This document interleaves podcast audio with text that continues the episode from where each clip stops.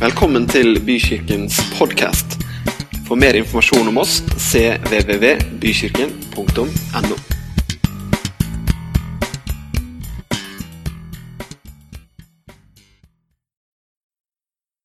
Jeg har fått lov til å skulle snakke med dere i dag. Jeg snakker til. Jeg tror ikke jeg skal bruke begrep som tale, men, men, jeg har fått noen ord, tror jeg, eh, de siste som jeg har gått og tenkt litt på.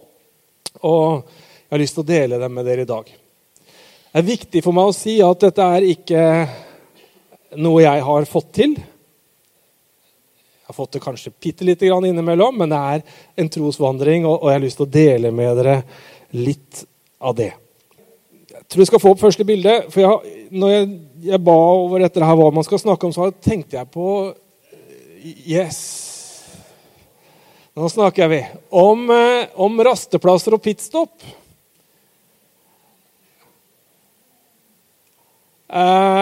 Dette er Max Verstappen. 39. eller 40. runde i et uh, Formel 1-løp, tror jeg, i England. De bytter dekk på verdensrekord 1,88, altså 1 sekund og 88 uh, hundredeler. Det må 23 personer til for å bytte fire dekk på under to sekunder. Det er helt vanvittig. Og Noen ganger så lurer jeg på er kirke sånn. Altså Det må 17 stykker til for å rigge møtet, og så er det inn og så ut, og så er det liksom Ja, det var det. Det neste bildet, der er vi på et litt annet sted. For det er liksom oppe i nord. vet du. Der er det, har de designet et toalett som er så lekkert at det liksom står på verdensarvlista nesten. Og liksom Det smøg inn en bil i ny og ne, og så var det liksom, du var helt aleine der. Du kan se Gro sånn langt i det fjerne der. Hun står ved siden av dette bygget. Og så er det liksom Er det sånn kirke- og trosliv er? liksom? At vi svinger innom. og når jeg var liten, så husker jeg moderen hadde blekkboks, eh, matboksen i en sånn rød en med håndtak på som hun tok fram. Og så var det litt kaffe, og så var det, satte vi oss ned på rasteplassen, og der satt vi og kosa oss. Hadde god tid. Hvis vi var litt heldige på vei til Sørlandet, så stoppa vi, så bada vi også. Liksom. Fint. Det, det var jo fint, det òg. Innmari kult. Du hørte jo reaksjonen med Formel 1 her. Yes! Ikke sant? Så hvis vi tar neste bilde, så er det liksom litt sånn Er det disse, er det disse to tinga vi driver og baler med, eller er det liksom, føles det sånn som uh, det neste igjen, da? Som uh, kommer helt ut av rekkefølgen min også. Som er som å sitte i en stol hvor, hvor du liksom føler at troslivet er så stort at det er bare helt enormt i forhold til oss sjøl. Er det så stort at vi liksom føler at her blir vi bare en liten sånn pluttebrikke i den stolen? Kan vi snakke om det i dag? For jeg tror at enten det er pitstop eller rasteplass eller eh, hvilestol i stor størrelse, så, så, er det noe med at jeg tror Gud har så mye, mye mer for oss. Men på en kanskje mye mer naturlig måte enn det vi tenker. I gamle dager så hadde vi ufattelig mange møter. Bent Ove og jeg og de to søstrene mine vi har vært på utrolig mange gudstjenester i vårt liv. Det var noe på onsdag, eh, tirsdag, onsdag, ikke noe på torsdag, men fredag. Kanskje noe på lørdag og søndag. Veldig ofte. Det var gamle dager. Sånn var det. Noen som kjenner seg igjen? Ja, det, var, det var liksom full rulle.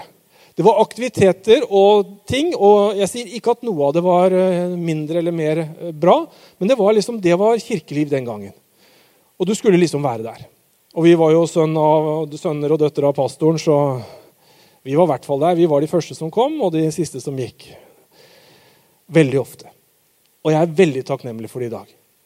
Men livet ellers har jo endra seg ganske mye, så vi driver ikke kirke på samme måte. Livet vårt er blitt fulle av veldig mye annet i familieliv, i arbeidsliv, så er ting annerledes. Det er fortsatt de samme 24 timene i uka, eller i døgnet og sju dagene i uka, men, men, det har blitt annerledes. Og så tenker jeg hva var best? Innom en gang iblant, full fart og ut på nye runder, for å si det sånn, eller hvor vi var så nesten hver kveld på menigheten. Jeg tror det kanskje fins en balanse. I Romerne kapittel 12 Jeg vet at eh, Bent Ove har lest det før. Jeg tror ikke det er så mange ukene siden, men jeg syns fortsatt det er veldig gode vers, og jeg tror vi kan snakke fortsatt om det. Der står det Skal vi se her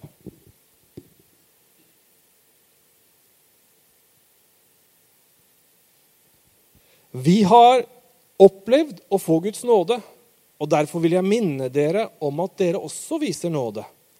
Ikke tenk høyere om dere selv enn dere bør tenke. Vær realistiske. Glem ikke at verdien ligger i hvor mye tro dere har, og troen har dere fått av Gud. Tenk på at vi alle er forskjellige. Vi er som en kropp med forskjellige kroppsdeler. De forskjellige kroppsdelene har forskjellige funksjoner, men til sammen utgjør vi en kropp, nemlig Jesu kropp på jord. På samme måte som kroppsdelenes forskjellige funksjoner tjener kroppen, slik skal også vi tjene hverandre. Vi har ulike gaver som Gud har gitt oss av nåde. Likevel skal en som profeterer, gjøre det slik han selv har tro for. Har man fått en gave til å tjene andre mennesker, så bruk den i tjeneste for Gud. Har du fått gaven til å undervise, skal du undervise på en bra måte. Har du fått gaven til å oppmuntre, så oppmuntre andre.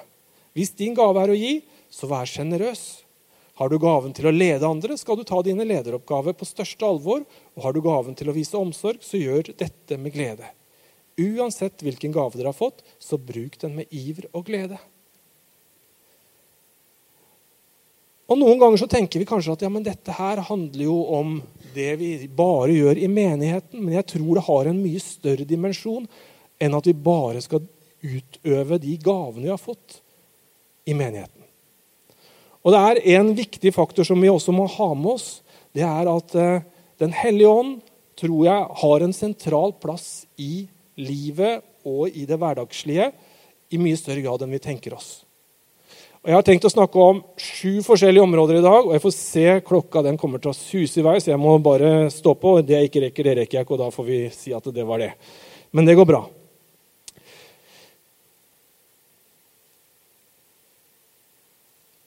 Innimellom så blir jeg litt nostalgisk, og de siste dagene så har vi hatt en sånn runde med bilder hjemme. Eh, hvor vi har funnet fram filmer. For det var før det digitale kameraet kom, så har vi en del eh, negative bilder som vi har liggende. Og så har vi tenkt at vi skal prøve å digitalisere dem. Noen av dere vet jeg allerede har gjort det, med stort hell. Og vi driver med det om dagen. Og det er jo utrolig rart å se tilbake. Når du liksom nærmer deg 30 år tilbake og begynner å se ungene, så er det veldig, veldig rart. Noen som eh, ja, Det er noen som har blitt eldre, ser jeg, men uh, de fleste ser, ser jo veldig bra ut. Men, men, men, men, erfaringen er jo det at det, det blir jo liksom litt sånn derre Åh, kjære Gud. Der, det var 1. juli 1999, liksom, og du ser bildet av han som er 28 i dag, som da var Ja, er veldig spesielt. Og så blir jeg litt sånn tenkende. Liksom, hvor hvor blei det av alle de åra? Hva skjedde? Hvordan har det vært? Og hvor har jeg brukt tida mi? Hva har vært viktig for meg? Og Noen ting syns jeg har vært veldig bra. Og andre ting tenker jeg at skulle nok gjort det annerledes. Men Jeg er sikkert ikke den eneste som tenker sånn. Men, men det jeg tenker er at livet har jo vært litt sånn svingete det, det, er jo, det, er jo, svingete innimellom. Det er jo ikke rett frem. Når jeg var 25 år, så tenkte jeg at det er bare reaka veien. Vi går med Gud, og Herren han er overalt, og det er skikkelig bra. Og det er skikkelig bra, men det har ikke vært rett fram. Og det har vært opp og ned. Men jeg tenker at det har jeg et ansvar for også, som en kristen mann. Og det har du som en kristen dame. Vi har alle litt ansvar. Det viktige er egentlig at vi, vi er, tar vare på oss sjøl i den trosreisen.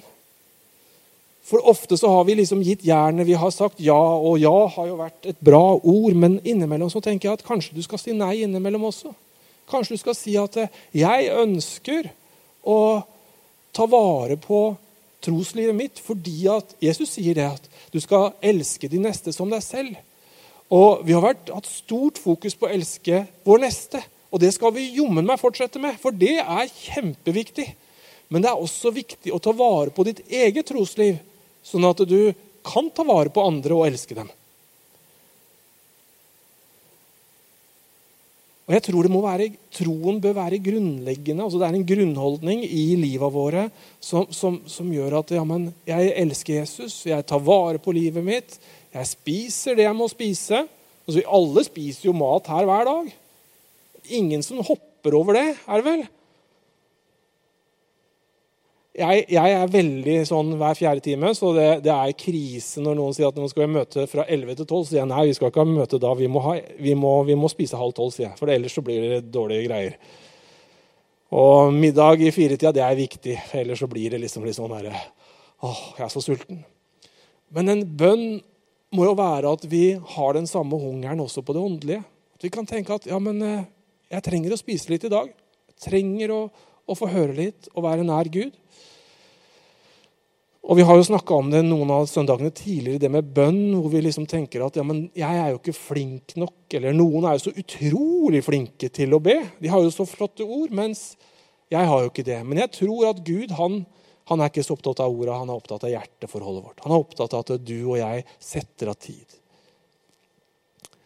Og Min bønn må være at vi, at vi, vi får noen rast, inn, raste, rastestopp innimellom i uka også. Kanskje daglig, hvor vi får spist litt.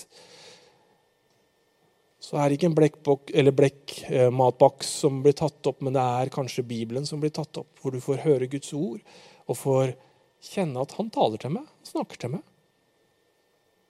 For øvrig var egg med tomat var jo liksom helt fantastisk på den lista. Mamma hun smører bra mat. altså.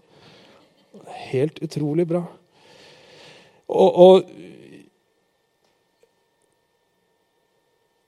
Vi må være ærlige rundt noe av det som tar mest tid hos oss i dag. Det er, det er jo ikke matlaging og, og, og jobb, nesten. Vi, jo, jobb tar mest tid. Men, men veldig mye av tida vår går på skjerm.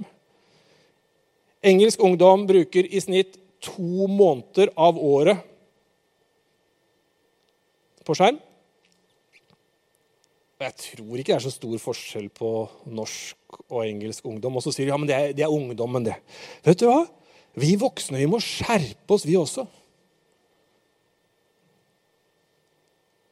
Vi må det. Kan du ikke legge ned VG-scrollinga for 15. gang den dagen da, og så heller kanskje ta fram Bibelen?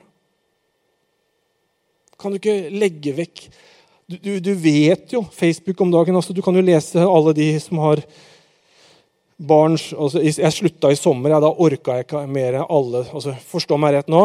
Dere forstår meg rett? Altså, det, det, ble så mange på min alder som hadde barn som hadde blitt, blitt uteksaminert fra et, en eller annen høyskole eller universitet eller ferdig med ungdomsskolen eller videregående. Så jeg tenkte gode tid, liksom, skal jeg bruke en time på dette i dag? Eller to? Eller alle som gifta seg på sommerstid når jeg var eh, 21 år. Alle gifta seg på sommeren, så liksom juni og juli de går med på å, hvor fantastisk kona mi er. Og så, ja. Og jeg håper inderlig at kona er fantastisk. Forstå meg rett. For det har gått i stykker for så mange av de som gifta seg når jeg gifta meg. Uten at jeg skal slå noen i hodet for det. Men, men altså, jeg håper det er mye bedre å bruke én time på kona istedenfor én time på Facebook. da. Ja, men skjønner dere meg? Det gjør noe helt annet.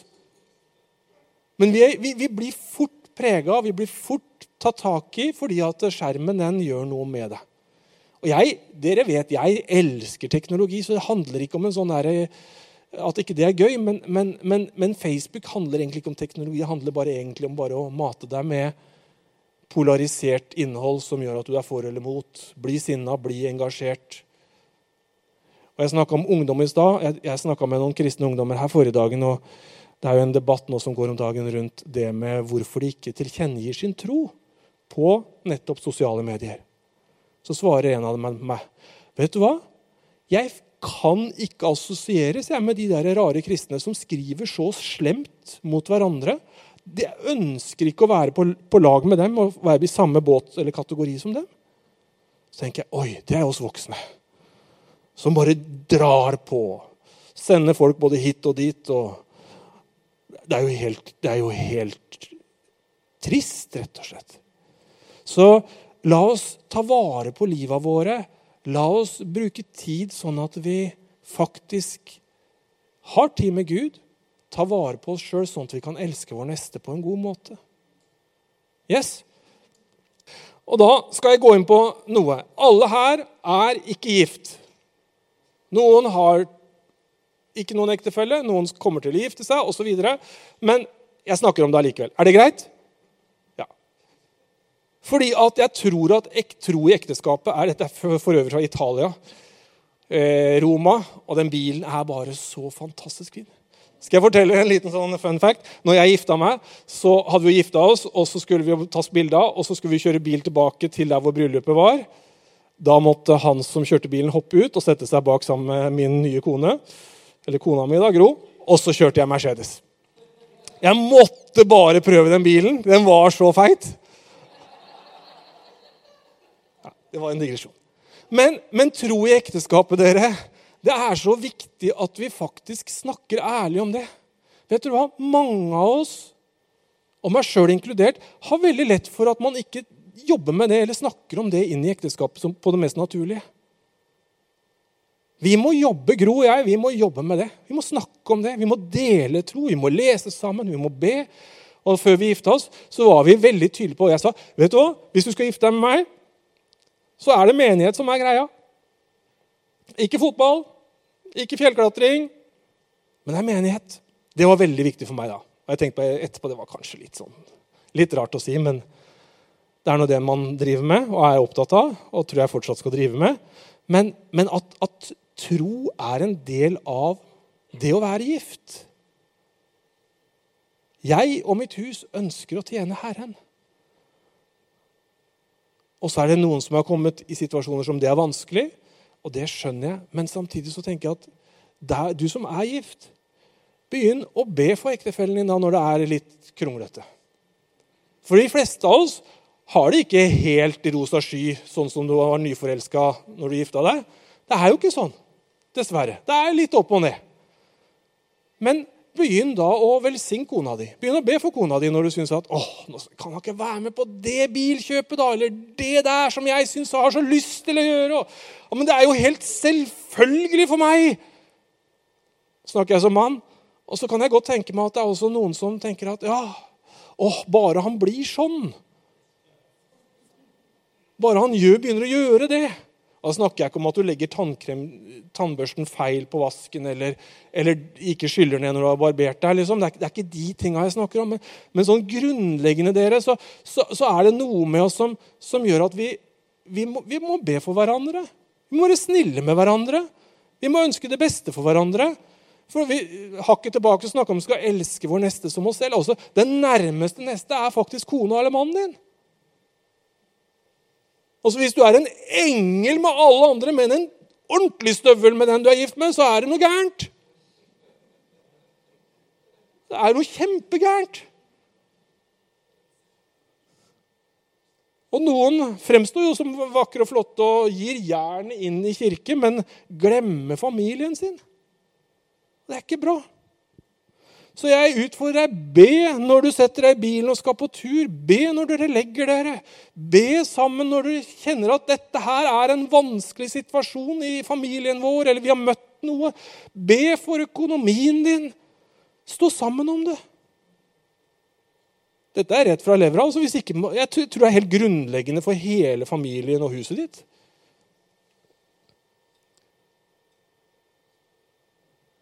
Vær like raus og nådig med ektefellen din som Jesus er raus og nådig med deg. For han er veldig raus med deg også. I hvert fall er det med meg. Familien din, da? Vi var i Afrika for noen år siden. Og Da møtte vi faderbarnet vårt. Hun lille, Nå står det helt stille for meg. Jeg er helt håpløs på navn på unger, så jeg får bare ta det sånn som det er. Det står helt stille hva hun heter nå i farta. Men uh, vi var i, Kenya, i Nairobi. Det var vi ikke. Det var vi, vi var ikke, i Nairobi. Vi var landa i Nairobi. Vi var i Arusha i Tanzania. Uh, og fikk lov til å ha med familien på den turen. Og Det er kanskje noe av den fineste turen vi noen gang har vært på, fordi at vi fikk se både det ene og det andre. Men, men det å ta vare på familien din og ungene dine det slutter ikke når de er 10 eller 11 eller 13 eller 14 år, hvor de liksom står på egne bein. Altså, De av dere som eh, er eh, mødre og fedre som er blitt litt godt voksne, vet at dette er en vandring gjennom faktisk hele livet. Har du fått barn, så er det dine barn resten av livet, og du vil være med dem.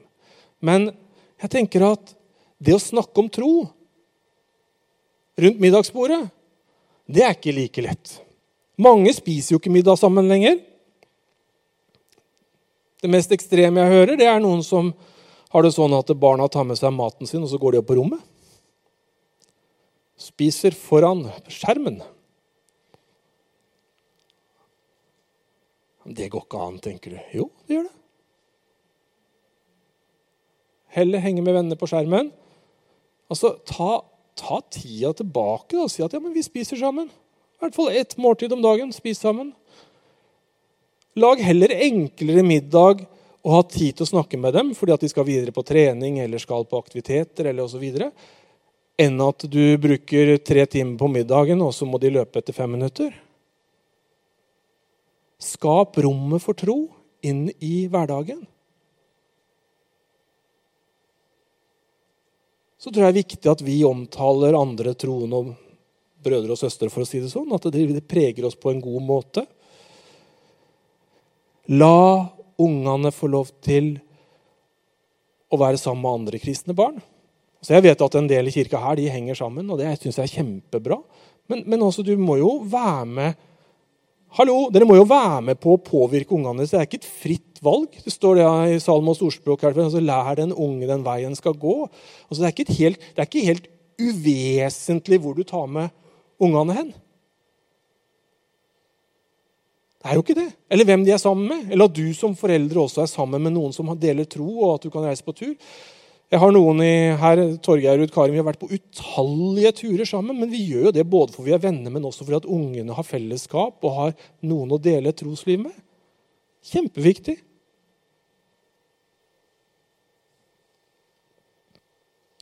Og så tror jeg det er viktig å lage seg en fridag i uka. Du vet, Vi kristne vi er nesten litt flinkere enn Vår Herre. Han tok seg fri én dag når han har skapt universet. Mens vi har litt lett for at vi banker på sju dager i uka. Kan ikke man ta en dag fri på lørdag da, hvis man er aktiv i kirke? Kan du ikke ordne en del av de tinga du gjerne skulle hatt ordna på lørdag? Andre tidspunkt? Prøve å sette av tid, sånn at de også har fri. De trenger fri, de òg. Og så er det kjempeviktig å gå på gudstjeneste på søndag. Men jeg snakka med en kirkeleder her forrige dag og sa at nok, vi har nok vært litt, litt for firkanta innimellom. Det kan hende vi burde tatt fri innimellom og så reist på tur med dem. Og latt dem få lov til å oppleve gudslivet vårt i et annet fokus enn bare kirke. For Jeg tror jo ungene våre ser på oss og så tenker de at ja, men sånn vil jo ikke jeg ha det. eller sånn vil jeg ha det. Altså, Vi er jo forbilder for dem. Og Ofte så tenker vi at det tar vi med ungene i kirke, så er jo det kjempebra. Da får de jo påfyll. Ja, det gjør det, men, men hallo, hvis vi er kjempeheldige, hvis vi er ekstremt heldige, så har vi barna våre i kirke 40 timer i året. Det er knallbra. Da, da, har, har på, da har de vært på mye. Hvis en snakker søndager. Hvem har ansvaret for troslivet deres da? Det er og meg. Og som besteforeldre, og det er mange besteforeldre, altså, ikke be om unnskyldning for at du er troende. da. Kan du ikke dele det på en god måte uten å skulle bli veldig radikalt? Vet ikke om noen av dere ser på Lykkeland om dagen, men det er jo, det er jo noen litt ekstreme uh, krefter innimellom som, som, uh, som, påvirker. Samtidig som jeg tror jo den lille gutten kanskje har et trosliv. Jeg, da som ikke bare er bestemt av bestemor. Men la det å gå i kirke være noe man gjør sammen. La det være noe som er positivt. Og det siste punktet jeg har på under dette, her, det er send barna dine på leir. Send de på festival og leir. La de få lov til Om du ikke, ikke prioriterer noe annet sånn økonomisk i forhold til kirke, så send dem på leir, da. Det er så mange som får oppleve Gud og blir frelst og åndsdøpt på leir.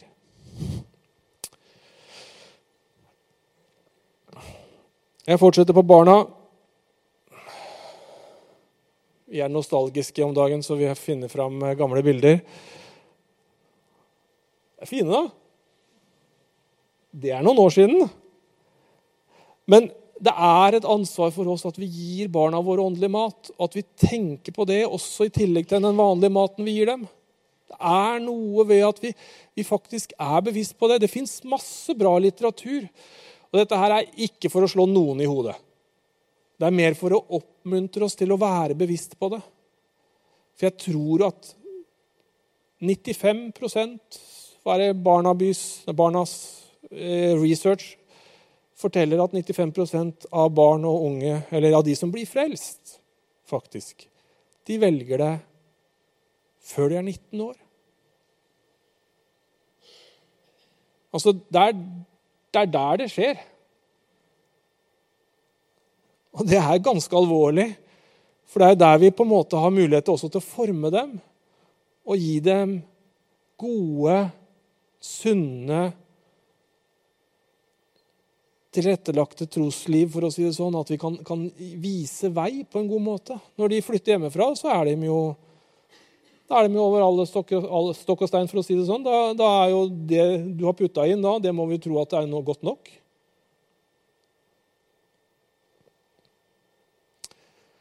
La oss skape kirker som er opptatt av å dele tro på hjemmebane og med barna.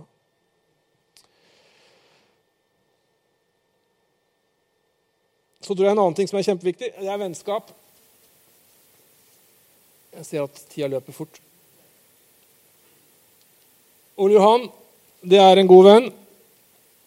Som flere av dere andre også er, så ikke bli sure for at dere ikke er på bildet. Men jeg tenkte, tenkte Kan jeg ta det bildet? Ja, men da blir det ja, den og den og den. og den, Hva tenker den da? Nei, så jeg tenkte meg sjøl, det kan jeg ikke tenke. Vi var i New York eh, i forbindelse med jobb. Så vi hadde to dager sammen i New York, og da var vi på Hva het det, Ole Johan? Bubba Gump Shrimp Company. Ja. Times Square. Det var utrolig kult, for det var sånn greie som at hvis du hadde det ene skiltet framme, så kom de løpende med mat, og hvis du snudde det, så behøvde de ikke å komme. De var skikkelig på. Men Ole Johan og jeg vi henger sammen innimellom. Eh, og jeg tror da faktisk at du som kristen kirkegjenger trenger å ha venner. Er det rart å snakke om? Kanskje.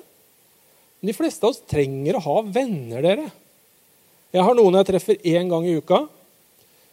Da svømmer vi. Det er den kjedeligste delen, det er å svømme. Altså De der 40 lengdene 1000 meter, det er jo ikke noe gøy. Så jeg teller meg ned. Fire, fire, runder, eller fire lengder, da er, det, da er det 10% og så er det 10 er 25, og så drar jeg meg opp. og så Når jeg har passert 20, da er, da er jeg liksom nesten ferdig, føler jeg. Ikke så veldig stas, men, men det er veldig hyggelig å gjøre noe sammen med noen. Og når vi er sammen, så har jeg sagt at da har jeg ingen rolle. Altså Jeg er ikke noen leder, eller, altså jeg er bare venner. Er dere med? Og så spiser vi litt, og så kan det hende vi ser en film.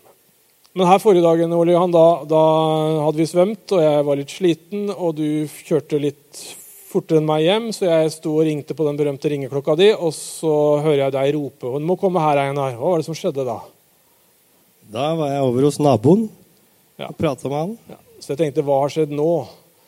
For da, da står han og gaper på meg. Så 'Du må komme her, Einar'. Og jeg tenkte 'Hva skal jeg for noe? Han er jo hos naboen. Har det skjedd et eller annet?' liksom. Og det hadde det jo. Eh, Ole Johan sto med, en, na, sto med naboen, og jeg pusla, tusla over, og så veldig spørsmålstegn. Og ja hva, hva var greia, Ole? Ja, nei, Jeg var over hos naboen, og han hadde bedt meg vinka meg over. For han satt ute og trakk litt frisk luft. Um, han uh, er i en livssituasjon som er ganske tung. Jeg har jo kjent han siden vi flytta ned uh, for elleve år siden. Men eh, hatt et vanlig naboforhold, rett og slett. Uh, Snakka om løst og fast og tatt en Cola Zero innimellom. Men ikke noe dypere enn det. Men vi har hele tiden gitt eh, ikke lagt noe skjul på at vi er kristne og at vi er aktive i menighet osv., men vi har ikke liksom pusha på på noe vis. Og så For litt siden så tok han initiativ og ville snakke om tro og om bønn. For da var han i en litt tung situasjon, og så trengte han noen å snakke med. Så det her var vel tredje-fjerde interaksjonen jeg hadde med han, tenker jeg. Ja. Da ville han gjerne at uh, han skulle få hjelp til å be, og da ja, vinka jeg deg over når du var Ja. i Så da tenkte jeg da må jo jeg be, da. Men det ble ikke sånn. For før jeg tenkte at nå skal jeg be, så satte Ole Johan i gang å be. Og jeg ble jo veldig sjokkert. Jeg har kjent Ole Johan i, siden han var seks år. Ja. Ja. Jeg har aldri hørt han be. Det er noe som var litt tungt for henne. vet du. Ja. Nei, men det, det, det, skjedde noe der, og det var veldig bra. For jeg tenkte at det ofte i sånne situasjoner så er jo man, man er leder, og da blir man jo bedt om å be. ikke sant? Man kommer og, og så satte du i gang å be, og det var jo helt fantastisk. Og så fikk jeg lov til å spørre denne mannen om han eh, ville tro og bekjenne. Og så kan gjøre det. Og så ble jo denne vennskaps- eller denne torsdagskvelden vår noe helt annet enn det vi egentlig kanskje hadde tenkt. Sånn, altså det var ikke den vanlige torsdagskvelden, men han fikk lov til å bekjenne, og så fikk Ole Johan lov til å be. og Det var utrolig fint. Og jeg tenker at Det der med vennskap handler jo også om at vi, vi kan snakke om tro med vennene våre. Så er det noen deler av troen som, som eh, er krevende innimellom, men vi får lov til å dele liv, rett og slett. Jeg tror veldig på det. Så det var bra. Vi så, bra. vi så, Jos, så Moses etterpå på film. For deg som lurer på hvilken film vi så. Og så er det arbeidsplassen. Så skal vi gå inn for landing snart. Dette er kontoret mitt. Det er veldig enkelt å ta bilde, egne bilder, for da slipper du å tenke og leite så mye med rettigheter og alle sånne ting. Første var, eh, Der måtte jeg finne noe, men ellers har jeg bare brukt egne bilder. Og så kan de som er fotografer i salen, vurdere om det er bra eller ikke, men det, det er ikke så nøye. Greia er at vi er frelst på jobb, dere. Altså, Hva slags inntrykk har folk av oss når vi er på jobb? Er vi de litt rare? Som er så rare at vi, de ikke vil ha noe med oss å gjøre? Eller er vi de vanlige som eh, de gjerne har lyst til å snakke med? Jeg er jo så veldig glad for at vi går i en kirke som vi stort sett alltid kan snakke om hva som det ble snakka om på søndag på mandag. I alle år så, så har jeg, når vi har snakka til lunsj liksom, Hva gjorde du i helga, da? Nei, jeg har vært, da var jeg på gudstjeneste, selvfølgelig. Og så kan jeg snakke om det på en vanlig måte. Ikke noe sånn at nå skal du høre her og ta på en annen stemme og endre liksom hele settingen. Men, men jeg snakker om det. Og så opplever jeg i hvert fall at når jeg er en ganske vanlig mann som deler trosliv og engasjement og sånn, på en naturlig måte, så blir det tatt veldig greit imot. Veldig mange av de jeg jobber med, de, de har lyst til å jobbe videre sammen med meg. Av en eller annen grunn. De har lyst til å være sammen, de er hyggelige. De blir med på prosjekt etter prosjekt, for de syns det er fint. Så tenker jeg, hadde jeg vært en veldig rar raring som, som skulle gjøre det ene og det andre med dem, og vært mot alt og snakka alt ned og negativt til alt og alle, så er det ikke sikkert de hadde giddet å henge med meg. for å si det sånn. Men jeg tror at vi som kristne skal være noe positivt. Øystein Gjerme han var og signerte en avtale med Forsvaret her om dagen, eller i høst var det vel, om eh, at pinsebevegelsen kan ha pastorer, altså feltprester. Så sier Øystein det var innmari kult å komme der, for det liksom sånn, det var litt stas. De hadde jo på flotte uniformer, og det var liksom, han hadde fått på dressen og til og med slipset. Og så sier han at noen av de historiene vi hørte, eller jeg hørte, var at de folka fra pinsebevegelsen som var i militæret, det var de mest positive som var.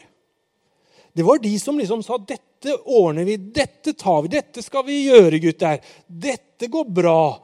Dette tar vi tak i.' Og han sa 'Jeg var så stolt over å høre det'. Og jeg tenker at ja, men la nå vi være sånne som sier 'Men dette går bra'. Være løsningsorienterte, være positive, være fylt av Den hellige ånds kraft. På en god måte. Jeg skal suse videre. Siste bilde jeg har, det er fra en kirke jeg var i i høst, i november, i Nairobi. Nairobi Chapel, en eh, superstor menighet på mange tusen.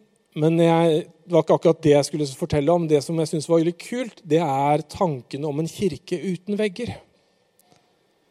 At vår kirke, den kirken som vi skaper sammen, at den er en kirke som det er lett å komme inn i. At vi ved vår måte å være på kan praktisere tro i kirka, men også utenfor. At vi er bevisste på at ja, men jeg er en del av en kirke som, som, som løfter hverandre opp, men også som anerkjenner arenaen for, tros, eh, for tro andre steder. Og så jeg tror at Hvis vi praktiserer tro på hjemmearenaer og i arbeidsliv og med venner, så tror jeg det skjer noe med kirka vår også. Og Jeg sa det ikke i stad i forhold til venner, men jeg håper du har venner som ikke er kristne. Ja, jeg håper inderlig du har det. Jeg har noen. Og de snakker jeg om Gud med på like naturlig vis. Tenker at det er helt greit. Men det er ikke bare tro jeg snakker med dem om. Jeg snakker fotball, jeg snakker jobb og jeg snakker masse forskjellige ting. Men det er jo helt greit. Og så ber jeg for dem og tro at eh, det jeg deler med dem, at det skal skje noe med dem. La kirka vår være et sted hvor vi praktiserer tro utafor veggene og innafor veggene, for å si det sånn. De veggene som ikke er der. Jeg tror ikke naboen her hadde vært så glad for om vi hadde ikke hadde hatt vegger. for å si det sånn. Da tror jeg de hadde syntes det var mye lyd. Men, men eh, jeg håper at vi skal ha en kirke som, som eh, har åpne vegger, og at vi, vi er åpne for å møte nye mennesker. Og så får vi hjelp av Den hellige ånd. Yes, da skal jeg slutte. La kirkeliv og trosliv ikke være pitstop, men la det være naturlige ting i ditt daglige liv. Ikke la det være noe som du liksom stopper inn og har to sekunder. Og så, 'Nå fikk jeg bedt to sekunder, og det er veldig bra.' Ja, det er bra, det, men jeg tror det fins noe større og noe mer for oss. På en god måte. Og så er det lov å være litt nostalgisk innimellom og se tilbake på hvordan var livet mitt, eller er livet mitt, og reflektere over det, uten at du får fordømmelse på det. For det er ikke greia. Når ikke Gud fordømmer deg lenger, så behøver du ikke fordømme deg sjøl heller. Hallo? Han er ikke ute etter å skape elendige tanker nå. Han, han er ute etter å løfte deg opp og oppmuntre deg til at det fins dimensjoner her som vi kan få lov til å være en del av i større grad. Det er spennende når vennene begynner å si at ja, men jeg ønsker å følge Jesus. Eller hjemmesituasjonen er sånn at ja, men de, de velger å gå med Gud når de blir voksne også. Men vi må snakke ærlig om det de to månedene i året som eh, kanskje noen bruker med telefonen sin, de må kanskje bli litt mindre. Kanskje vi må være litt bevisste på skjermtid. Kanskje vi må være litt bevisste på måltidene våre hjemme. Og Det har vært masse kritikk i høst rundt eh, Har dere fått med The Send? Hvor ungdommene snakker om å gi, give all in, eller all in, for Jesus. Har dere sett det? det veldig mye greier rundt det. Men jeg tenker på, jeg leste i morges var det vel om en av våre skiskyttere som eh, hadde gitt all in. De hadde ikke vært utafor døra, de hadde ikke, de hadde ikke kunnet eh, spise mat fra andre steder osv. Det, det var virkelig all in for den bronsen i går, altså, dere. Så jeg tenker at la oss nå gi all in for familiene våre og for kirka vår i forhold til at dette kan bli bra positivt. Yes. Er du fortsatt våken? Da skal vi ta og reise oss, så skal vi synge, og så skal vi gå inn i ettermøtet. Og hvis du har lyst til å bli bedt for For jeg tror at det, uten Den hellige ånds kraft så er dette kjempevanskelig. Da blir det som at du skal gjøre det sjøl, fikse alt og bli enda flinkere enn det du er allerede er. Du er veldig bra. Men jeg har lyst til å utfordre oss på å be Gud om hjelp. Og så vokser man gradvis i nåde og tro. For hvis vi ikke har den dimensjonen, så blir det slitsomt. Til det. Vi ønsker å bygge en kirke hvor, Gud, hvor mennesker får lov til å oppleve Gud. Vi kjenner at Gud er her i dag. Men jeg tenker at vi kan kjenne at han er hjemme også. Hvis vi åpner opp for det, så er han der hvor vi er. Det er godt å vite. Så hvis du har lyst, så kan du få lov til å bli bedt for i dag. Eller du kan ta imot der du står. Men jeg eh, ønsker å utfordre deg på å ta nye steg i hverdagslivet. I tro. Gud velsigne.